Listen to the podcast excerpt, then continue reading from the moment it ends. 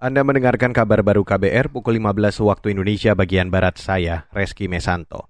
Saudara Komisi Kode Etik Polri atau KKEP hari ini menggelar sidang pelanggaran etik yang juga dilakukan bekas anggota Divpropam Polri Dia Chandrawati atau DC. Dia sebelumnya disangka tidak profesional dalam menjalankan tugas dalam pengelolaan dan pertanggungjawaban pinjam pakai senjata api di Divpropam Polri.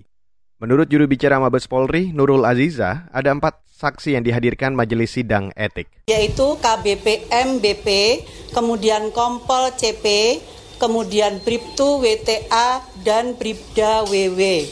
Kemudian terduga pelanggar diperiksa karena ketidakprofesionalan di dalam melaksanakan tugas dan perlu rekan-rekan media ketahui bahwa pelaksanaan sidang KKEP terhadap AKP DC tidak ada kaitannya dengan obstruction of justice atau OOJ. Nurul mengingatkan sidang terhadap dia tidak berkaitan dengan kasus obstruction of justice atau menghalangi penyidikan kasus Brigadir Yosua.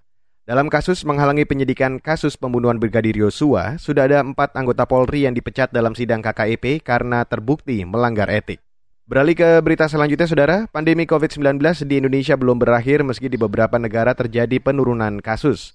Karena itu, Kepala Bidang Penanganan Kesehatan Satgas COVID-19 Alexander K. Ginting terus meminta masyarakat tetap menerapkan protokol kesehatan. Sehingga pakai masker, mencuci tangan, jaga jarak harus terus menjadi perilaku kita saat ini. Demikian juga dengan menggunakan aplikasi peduli lindungi. Bahwa aplikasi peduli lindungi ini diterapkan di tempat-tempat sektor publik. Tapi petugas-petugas yang ada di sektor publik juga harus tetap mengencangkan supaya pemeriksaan ini berjalan. Jangan hanya sekedar simbol saja tapi tidak dilakukan check-in dan tidak dilakukan check-out. Jadi aplikasi peduli lindung ini terus diterapkan. Kepala Bidang Penanganan Kesehatan Satgas COVID-19 Alexander K. Ginting juga mengingatkan masyarakat melakukan vaksinasi dosis ketiga atau booster. Sebab capaian booster masih sangat rendah.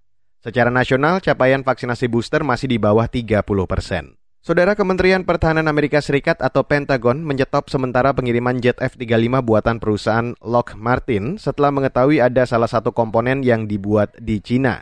Jet itu membuat logam campuran buatan Cina di bagian magnet-magnet yang ada pada jet tersebut.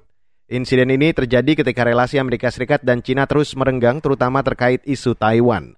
Selain itu, kedua negara adidaya juga tengah saling berebut pengaruh di kancah global, terutama Indo-Pasifik. Dan saudara, demikian kabar baru saya Reski Mesanto.